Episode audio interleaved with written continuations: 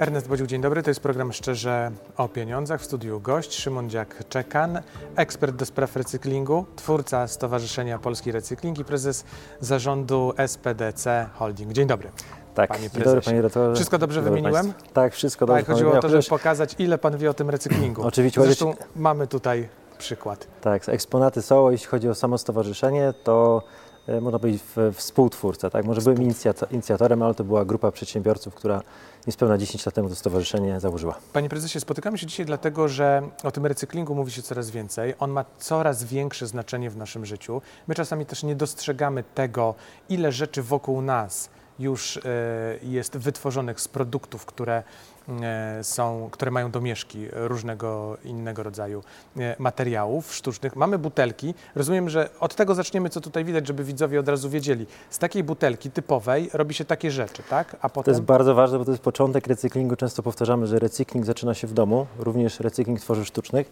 Więc jeżeli mamy butelki, jak i w, jakim celu je zbieramy? Po to, żeby one e, trafiły jeszcze raz do obiegu wedle takich nowych właśnie przepisów też i trendów gospodarki obiegu zamkniętego. Czyli taką butelkę przetwarzamy ponownie na granulat, najpierw na tak zwany przemiał, e, e, czy flake po angielsku, później granulat i z powrotem możemy zrobić butelki. To jeszcze dopytam, bo ta butelka ma zamknięcie.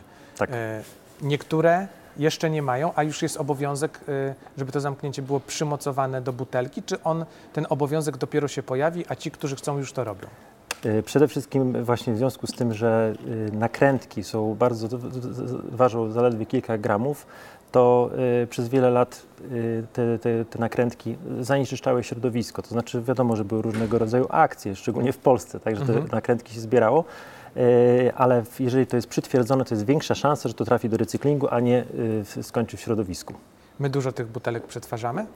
Znaczy te, tego typu produktów? Tak, jeśli chodzi o, o same butelki PET, to w Polsce w tym momencie jest to rynek około 250 tysięcy, 280 tysięcy ton. To jest bardzo dużo, ale nadal połowa tych y, butelek w Polsce nie trafia do recyklingu, a prawie 40% trafia nadal na składowiska, więc jest już dużo lepiej niż było 10 lat temu, ale nadal y, znaczna część nie trafia do recyklingu. Czyli jeżeli trafi na składowisko, to potem jest szansa, że to trafi do recyklingu, czy po prostu do pieca? I potem mamy Czyli mamy trzy, tak, to, to mamy, są trzy sposoby, mm, można powiedzieć, e, odzysku e, surowców e, z, z tworzyw sztucznych. Pierwsze to jest recykling materiałowy, czyli z, tej, z, tego, z tego typu butelki robi się granulat i z granulatu z powrotem produkt. Drugi to jest e, to, co Pan wspomniał, odzysk energetyczny, czyli Mhm. spalarnia lub cementownia, czyli spala się, bo to są węglowodory, tak? Czyli to, to się w zasadzie w kontekście spalania niczym nie różni od ropy naftowej. Mhm. E, więc można uzyskać e, energię, ale jeżeli to trafia na składowisko, no to niestety ten e, surowiec jest utracony bezpo, bezpowrotnie. Mhm. Panie prezesie, jak my, jeśli chodzi o obowiązki narzucane przez Unię Europejską, wyrabiamy się w tych, mm, w tych obowiązkach, które Unia nakłada na nas, czy mamy jeszcze dużo do zrobienia? Mamy jeszcze bardzo dużo do zrobienia. No, warto powiedzieć, że od w zasadzie paru lat płacimy już plastic tax, czyli za Mhm. e, taki, taką daninę za nieprzetworzone tworzywo sztuczne. I mało się o tym mówi, ale to jest 6,5 miliona złotych dziennie daniny, którą płacimy do Unii Europejskiej właśnie za brak recyklingu tworzyw sztucznych. E, tak sobie myślę, za chwilę wejdą przepisy o obowiązkowej zbiórce, dobrze to nazywam, e, butelek. Będziemy musieli... E, je- O systemie kaucyjnym. Tak, Znaczy tak, y, patrząc troszeczkę historycznie, no to w, w 2018 roku, e, ja też w związku z tym, że od wielu lat jestem e, e, też ekspertem Ministerstwa Klimatu i Środowiska, e, w, też no, jako branża, tak, czyli branża Mhm. czy opakowań, czy branża recyklingu, czy branża ospo- gospodarki odpadami doradza. I w 2018 roku wprowadziliśmy w Polsce e, obowiązkowe e, zbiórkę e, selektywną na pięć frakcji, tak? Czyli mamy, że do żółtego worka wrzucamy plastik.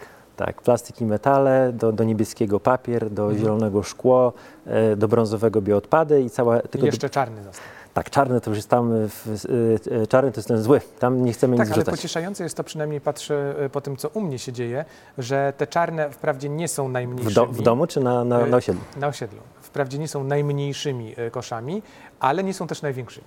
Największy jest plastik i metale sztuczne. I metale, tak. Dlatego e, rzeczywiście wymogi unijne są, ale też, e, no, też kwestia takiej przyzwoitości, takiego też rozwoju cywilizacyjnego, bo też wiemy, Mhm. że jak latamy po, po, po Europie czy po świecie, to czym jest wyżej e, kraj rozwinięty technologicznie, cywilizacyjnie, to też lepiej radzi sobie z gospodarką odpadami. Więc też, to, to też o nas dobrze świadczy, jeżeli będziemy segregowali Czyli to, odpady. że wprowadzamy system kaucyjny dobrze o nas świadczy? Oczywiście, że dobrze Bo nas to nas trochę pchnie, to nie my sami, ale jeszcze trochę nas pchnie, że zmusi nas do tego, jak będziemy chcieli tę złotówkę e, umowną odzyskać z tej butelki, czy 50 groszy, to chyba 50 groszy. Tak, e, o kilka dni temu minister klimatu i środowiska mówiła bardziej już o, o złotówce, O w, związku, złotówce. w związku z inflacją. Dobrze chyba, nie? To dobrze, znaczy no bo- dla nas, dla nas jako dla recyklerów tworzyw sztucznych, ja, ja recyklingiem zajmuję się już od, od początku, bo to była moja pierwsza e, praca po studiach, czyli f- firmę założyłem w wieku 23 lat i zająłem się właśnie sprzedażą takich regranulatów z recyklingu. E, To dla mnie odpady z tworzyw sztucznych to nigdy nie były odpady, zawsze to były surowce. A już nazywanie tego e, e, śmieciem, to, no, to mówi się To może my też jako społeczeństwo wreszcie popatrzymy na to jak na surowiec, skoro będziemy musieli tę złotówkę odzyskać. Był taki moment dwa lata temu właśnie po, e, po tym kryzysie, po, znaczy generalnie po wybuchu wojny, że surowce były bardzo drogie. I był taki moment, że e, kilogram butelek PET kosztował 8 zł. To jest 40 butelek, czyli można powiedzieć, że można było po lasach zbierać butelki i gdyby były skupy, Mhm. to można było do skupów to oddać. Więc my z perspektywy takiej branży, to my zawsze wiemy, że to jest wartościowy surowiec, ale dla ludzi e, czy dla mieszkańców często to jest problem, tak? Więc tutaj trzeba troszeczkę zmi- zmienić też tok myślenia, że no ja, ja jeszcze mam o tyle lepiej, że mogę wziąć taką butelkę, pojechać do czy mojego zakładu recyklingu, czy do któregoś z moich kolegów i wrzucić bezpośrednio na linię i, i widzę na końcu, jaki jest efekt tego, tak? Aha. Ale w, ale w Polsce niestety w ostatnich kilku latach e, trochę e, e, wchodził ten mit tej jednej śmieciarki, że to wszystko idzie do jednego wora, że to idzie na składowisko i to, i to powiem, powiem panu, to jest chyba największy problem branży, że ten taki mit, że w Polsce tego recyklingu nie ma. Nie no, ale jak się przyjrzymy tak, y, ja też na początku myślałem, że przyjeżdża ta śmieciarka, wszystko tam się wrzuca i nasza segregacja na nic. Ale y, jak pojawiło się y, na drzwiach śmietników informacje od wspólnoty, że w dniu takim i takim przyjeżdża śmieciarka i zabiera tego typu odpady, w dniu kolejnym przyjeżdża i zabiera innego rodzaju odpady, no to ja wiem, że ta śmieciarka, która przyjechała we wtorek, to ona zabiera tylko plastik albo szkło, a nie coś innego. Tak, zgadza się. Ja, ja myślę, że, że ten, ten mit związany z tą jedną śmieciarką to troszeczkę są wykreowane przez e, social media, bo jeżeli mamy tak, że jeden film e, na Facebooku czy na jakiejś innej platformie może być wyświetlony 3 miliony razy, no to wystarczy, że, że tak powiem, no, takie sytuacje na pewno się zdarzają. Ja raz przyłapałem na Mokotowie śmieciarkę, która właśnie żółte, znaczy żółty pojemnik wrzucała do zmieszanych i oczywiście podbiegłem i mówię, co panowie tutaj robią, przecież to jest wartościowy surowiec. A oni zdziwieni, co za facet się tutaj Nie, co, co za wariat. Więc y, y, w, zapytałem się dlaczego. Oni powiedzieli tak, że te, te trzy nieruchomości mieli zrobić wczoraj, ale że się nie wyrobili, to przyjechali, y, przyjechali y, dzisiaj y, w, z tymi zmieszanymi, ale jakby tylko pojechali, nie wiem, 20 km i odebrali 30 kg odpadów, to że szef by, szef by ich zwolnił. Więc czasami to jest taki jakiś prozaiczny powód, że Mhm. z środowiskowego punktu widzenia gonienie e, śmieciarki, żeby odebrać jeden pojemnik też by nie miało sensu, ale, ale jeżeli ktoś by zrobił film, to oczywiście to już był problem. Ale muszę powiedzieć jeszcze, zaraz Aha. już skończę, no to jest, e, ekscytuje mnie ten temat, więc ciężko mi skończyć, e, że to się zmienia. Widać, że już Polacy wierzą to. Ja też od półtora roku razem z moją przyjaciółką, dziennikarką Bogną Komorowską prowadzę podcast, w którym właśnie nazwaliśmy to Recykling po ludzku. E, Simon Says Recycling, recykling po ludzku i tłumaczymy takim, można powiedzieć, e, mm, językiem bardziej, e, no nie eksperckim, tylko tak że z- zrozumiałym dla każdego, na czym polega recykling, na czym polega system kaucyjny, co się z tymi odpadami dzieje i jak ważne jest to dla To, środowiska. puentując wątek tego systemu kaucyjnego, bo na pewno nasi widzowie się zastanawiają, to będzie tak, że jak ja będę miał kilka takich butelek, to będę mógł, nie wiem, przy supermarkecie czy przy, w mniejszym sklepie pewnie oddać fizycznie, ale mm, przy supermarkecie wrzucić do jakiegoś automatu tak, i ten automat... automatu, recyklomatu się mówi, czy butelkomatu. Mhm. Tak, i on mi e, policzy butelki, odda tyle pieniędzy, ile te butelki były warte, to znaczy ile kaucja za nie wynosiła, tak? Tak, czyli oddajemy 10 butelek, jest na przykład 10 zł. Oczywiście e, operatorzy systemu, systemów depozytowo-kaucyjnych będą mogli wybrać w jaki sposób. Możliwe, że to będzie po prostu wypływało paragon, z którym się idzie i w danym e, markecie kupuje decyduje, czy o te 10 zł ma taniej e, Albo zakupy. zwrot na kartę. Tak jak kartą płacimy za parking, to może być dzisiaj technologie płatnicze są tak rozwinięte, że to szczegół w zasadzie. Zresztą Pan jest ekspertem z zakresu robotyki, to na pewno też myślę, że są takie możliwości. E, Chciałbym przejść do kolejnego wątku, dlatego że skoro mówimy o Unii Europejskiej, mówimy o pewnych przepisach i wymogach, e, to chciałem zapytać o to, jakie, co nas w najbliższym czasie spotka, bo my tego typu e, przetworzone już czy zmienione e, butelki będziemy musieli, czy musimy dodawać do poszczególnych rodzajów produktów, prawda? Jak Tak. to będzie wyglądało? Tak, y, już w I, tym mo- I procentowo też to się będzie zmieniało w latach. Tak, już w, te, w tym momencie około 400 tysięcy ton odpadów z tworzyw sztucznych w Polsce jest przetwarzanych na regranulat i później dalej na produkty. Ale mówimy o tym, że to będzie z, z każdym rokiem to, to, to, to wzrasta. E, no jeśli już mówiąc, jeżeli jesteśmy na giełdzie i rozmawiamy Mhm. też o ekonomii, no to na pewno y, dużym zagrożeniem dla naszej branży i też kryzysem, który ostatnio też do, doświadczyliśmy, był brak właśnie popytu na te recyklaty. To znaczy, że e, była taka korelacja, że jeżeli mm, tworzywa sztuczne pierwotne, czyli można powiedzieć nowy plastik, był drogi, czyli na przykład po 7 zł za kilogram, no to recyklaty były bardzo chodliwe. Ale później w zeszłym roku, jeżeli, gdy te surowce pierwotne spadły na 3 zł, na 3,50, no to nam koszty wzrosły, a y, nikt tych surowców z recyklingu nie chciał kupować. I dlatego właśnie y, Unia Europejska dąży do tego, żeby był obowiązek wykorzystania recyklatów. I już od przyszłego roku do każdej butelki PET trzeba będzie dodawać 25% surowców z recyklingu, takiego właśnie Czyli- płatka. Dobrze, czyli mówiąc wprost, żeby z tej butelki powstała następna butelka, to w tej przyszłej butelce musi być 25% tej butelki. Y, Tak. Czyli od, od, od przyszłego roku producenci, którzy się nie dostosują i będą robili tylko i wyłącznie z pierwotnych tworzyw sztucznych, ale już Mhm. mówię tak podcastowo trochę z nowego plastiku, no to będą musieli płacić kary. I, a, a to wy, wy, wytworzy popyt, po- żeby zwiększyć też e, zapotrzebowanie na, te, na, na tego typu zakłady. No dobrze, a mm, jeśli chodzi o kolejne lata, ten procent będzie rósł, jest 25, a potem będzie na przykład 30, 40 więcej, czy na razie nie ma takich planów? Y, PET, czyli politertelenu y, tego typu, to jest jako pierwszy, natomiast w następnych latach te, ten obowiązek będzie dotyczył też innych surowców, czyli folii poli, polietylenowych. Ale to już myślę, że każdy widzi, tak, czy na reklamówkach, czy na różnych produktach jest, jestem z recyklingu, jestem z recyklingu i to jest prawda. Mhm. Więc to jest, e, e, przyszłość jest taka, że ten, te surowce będą zawracane, ale nie tylko plastiki, bo No o to od- właśnie chciałem zapytać, może... idą kolejne, kolejne produkty też. No właśnie, to mnie interesuje, bo my dzisiaj, że plastik trzeba zbierać, przetwarzać, to mniej więcej chyba wszyscy wiemy, ale na przykład myślę sobie o ubraniach. Przecież my tego produkujemy na potęgę, szczególnie jeśli chodzi o te takie tanie ubrania gdzieś produkowane daleko, daleko. E, to co z nimi? Tak, ostatnio były afery, że część tych jedno, jedno, znaczy tanich ubrań jest po prostu wysyłana gdzieś do jakiegoś składowiska do Afryki, więc nawet oni tego nie utylizują. E, Od przyszłego roku e, gminy, czyli samorządy będą miały obowiązek również selektywnej zbiórki u źródła. Mhm. Brzmi poważnie, ale de facto, że gmina będzie musiała wysyłać ciężarówki po zbiórkę właśnie ubrań, czyli zużytych ubrań. Bo wiemy, że w dużych miastach są tego typu duże pojemniki, gdzie te ubrania można zanosić, ale nie wszędzie. Część tych ubrań e, starych albo gdzieś no, jest spalanych w piecach, albo gdzieś po prostu wyrzucana jest do, e, do czarnego pojemnika. No właśnie, tak się zastanawiam, jeżeli już mamy wyrzucić takie ubranie, a nie mamy takiego e, specjalnego pojemnika, gdzie ta odzież trafia, to co, do zmieszanych, tak? Poczekaj, co do przyszłego, poczekaj do przyszłego roku, jak gmina odbierze. W sumie, e, no, w sumie tak, bo to jest, bo my chyba sobie nie zdajemy z tego sprawy, ale naprawdę kupujemy dużo tych ubrań, potem one zalegają w tych szafach, potem robimy porządki na wiosnę i okazuje się, że do wyrzucenia jest, czy no, do przekazania gdzieś cała wielka torba albo wiele toreb różnych ubrań, których założyliśmy, które założyliśmy dwa razy czy trzy. Myślę, że coraz więcej e, ubrań sprzedaje się przez internet i nawet tych e, wyższej klasy. Ostatnio miałem e, właśnie do podcastu zapro, zaprosiłem takiego, e, e, można powiedzieć, znanego youtubera, pana Mhm. Strycharczuka, który bardzo fajnie właśnie o ubraniach opowiada. Mogę e, serdecznie polecić. Chodzi po, e, e, po sklepach do, z, z używaną odzieżą, ubiera się, przebiera i nagrywa filmy. No i, i on też właśnie mówił mi o tym na, podczas naszego podcastu, że, że coraz więcej jest takiego handlu internetowego.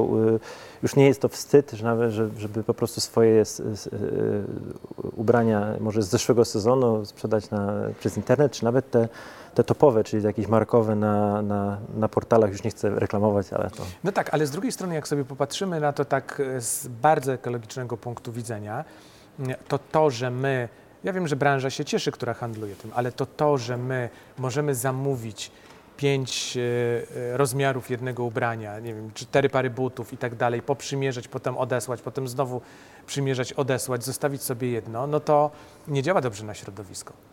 To jest, tak, Ciężarówki jeżdżą i wożą nam te buty za to, to jest tak zwana właśnie linearna gospodarka, od której, od której odchodzimy, czyli kupić, wykorzystać chwilkę i wyrzucić. To jest ta gospodarka, której my nie chcemy. Bo jeszcze tak bardziej filozoficznie patrząc, to natura Mhm. zawsze miała obieg zamknięty. Tak? W naturze natura zawsze wszystko utylizowała i e, no tak jak mamy czy, czy, czy, czy las, czy to, to tak naprawdę ludzie wynaleźli, wynaleźli śmieci i zaczęli te śmieci generować. E, Wcześniej to wszystko była taka tak właśnie gospodarka obiegu zamkniętego. I teraz właśnie, no, będąc tak, na giełdzie, warto wszystko, powiedzieć, co spadło z drzewa, stawało się ściółką, potem rosło nowe drzewo i tak w kółko. i tak w kółko przez, przez, przez miliony lat. My w ostatnich kilkudziesięciu latach, oczywiście kapitalizm jest bardzo dobrym systemem, ale ma swoje minusy. Na przykład to, że e, oceniamy e, państwo, nasze państwo, efektywnością państwa wzrost PKB. Ale wzrost PKB to jest wzrost konsumpcji, a wzrost konsumpcji to jest też wykorzystanie zasobów naturalnych. Więc e, tutaj ta gospodarka obiegu zamkniętego chce po prostu tą naszą europejską gospodarkę e, przekształcić. I ja często jeżdżę na jakieś sympozja czy konferencje międzynarodowe i Europa, e, ostatnio byłem na takiej konferencji w Brukseli, i Europa rzeczywiście idzie w tym kierunku cyrkularnym jesteśmy, no, oprócz Japonii, to myślę, że jesteśmy takim trendsetterem na całym świecie. O, czyli dajemy przykład jako Unia, bo my cały czas się denerwujemy na tę Unię, że jakieś regulacje, że tutaj to wprowadza tamto, wprowadza to ślad węglowy i tak dalej, ESG, no i Tak, nawet dajemy przykład naszym e, e, koalicjantom ze Stanów Zjednoczonych, bo w Stanach Zjednoczonych byłem w, w, na jesieni w Nowym Jorku i nawet nagrywałem jakieś tam filmiki, e, no to tam tego recyklingu w zasadzie nie ma, tam jest regres, bo tam e, lobbying tych e, składowisk odpadu był tak silny, Mhm. że, e, że powodowało, że wszystko, nie wiem, tylko 6% t- plastiku tworzywa sztucznego jest podawane recyklingowi w Stanach. Czyli my jako Europa jesteśmy raczej czystszym miejscem. Tak. Na pewno Warszawa jest dużo czystsza od Nowego Jorku. No tak, to tak, akurat nie ulega wątpliwości. Oni kosze na śmieci odkrywają, teraz mówiąc pół żartem, pół No serio, tak. ale rzeczywiście mają zamiar wprowadzić e, kosze na śmieci, żeby te worki na ulicach nie leżały. Ale to na zupełnie inną rozmowę. Jeszcze zastanawiam się e, nad, nad tymi ubraniami i kolejnymi krokami, no bo e, w których branżach te produkty z recyklingu będą wprowadzane? Branża motoryzacyjna, branża budowlana, jak to będzie wyglądało Tak, w przyszłości? kro- Czy jak już wygląda? krok po kroku, w zasadzie w każdej branży będzie to wykorzystywane. Już teraz y, widziałem, że kilku tych topowych y, producentów y, automotive, samochodów, wykorzystują surowce z recyklingu. To- było, to jest takie trochę zabawne, bo kilkanaście lat temu często niektóre branże wykorzystały recyklaty, ale ukrywały to, no bo taniej kupiły przykładowo taki szary regranulat, który był o połowę tańszy i gdzieś tam y, Nie chciał się przyznać, że jest w samochodzie, tak, czy w a samochodzie. teraz zrobią z tego zaletę? Tak. A, teraz się A widzi pan, jak to się pozmieniało na świecie. Tak, tak. I to w wielu branżach tak było, te, te, że, że, nie, można by, nie można było się przyznać, a teraz się okazuje, że trzeba. Czyli e, jak powiem, że ekologia jest w modzie, to przesadzę, czy nie? No i tutaj dochodzimy do takiego, y, do kwestii, można powiedzieć, sytuacji geopolitycznej, czy w Polsce, czy na świecie. Uważam, że ważniejsze od ekologii, nawet pomimo, że jestem w tej branży, jest oczywiście bezpieczeństwo ludzi i zdrowie.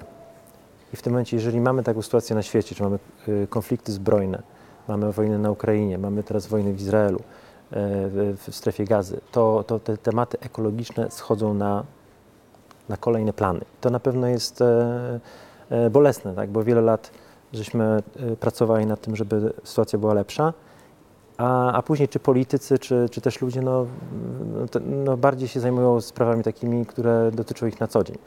Ale, to, ale, ale, ale długoterminowo kwestia zmian klimatu, czy kwestia właśnie zanieczyszczenia środowiska poprzez e, tworzywa sztuczne, czy oceany, czy rzeki, czy właśnie lasy, to jest naprawdę coś, co e, mam nadzieję, że ta sytuacja geopolityczna się poprawi, ale musimy cały czas pamiętać o środowisku, żeby y, każdego roku zbliżać się do tych celów. To puentując naszą rozmowę, jedno pytanie e, na koniec. Wyobraża Pan sobie taką sytuację, już abstrahuję od tego, za ile lat to się może wydarzyć, ale e, taką sytuację, że bierzemy taką butelkę, przetwarzamy ją, a potem z tego powstaje w 100% nowa butelka. My w ogóle nie marnujemy. Wytworzyliśmy tyle plastiku na świecie, że wystarczy nam na wiele lat i po prostu obracamy nim w kółko. Tak jak woda, no. wypijemy, To, wyparuje to znaczy później, uważam, że pijemy znowu. Wie pan, że słodką wodę na świecie wypiliśmy już cztery razy. Więc plastik też możemy zużywać wielokrotnie. Już tyle go wytworzyliśmy, że. te, teorety, teoretycznie tak, ale y, większość tego, tego plastiku jest na wysypiskach i w oceanach. To Więc- e, odcinając ten plastik, który leży tam e, na wysypiskach, bo mam nadzieję, że z oceanów da się go kiedyś zebrać, bo on pływa po powierzchni raczej, prawda? Chociaż ryby też go tam. No tak.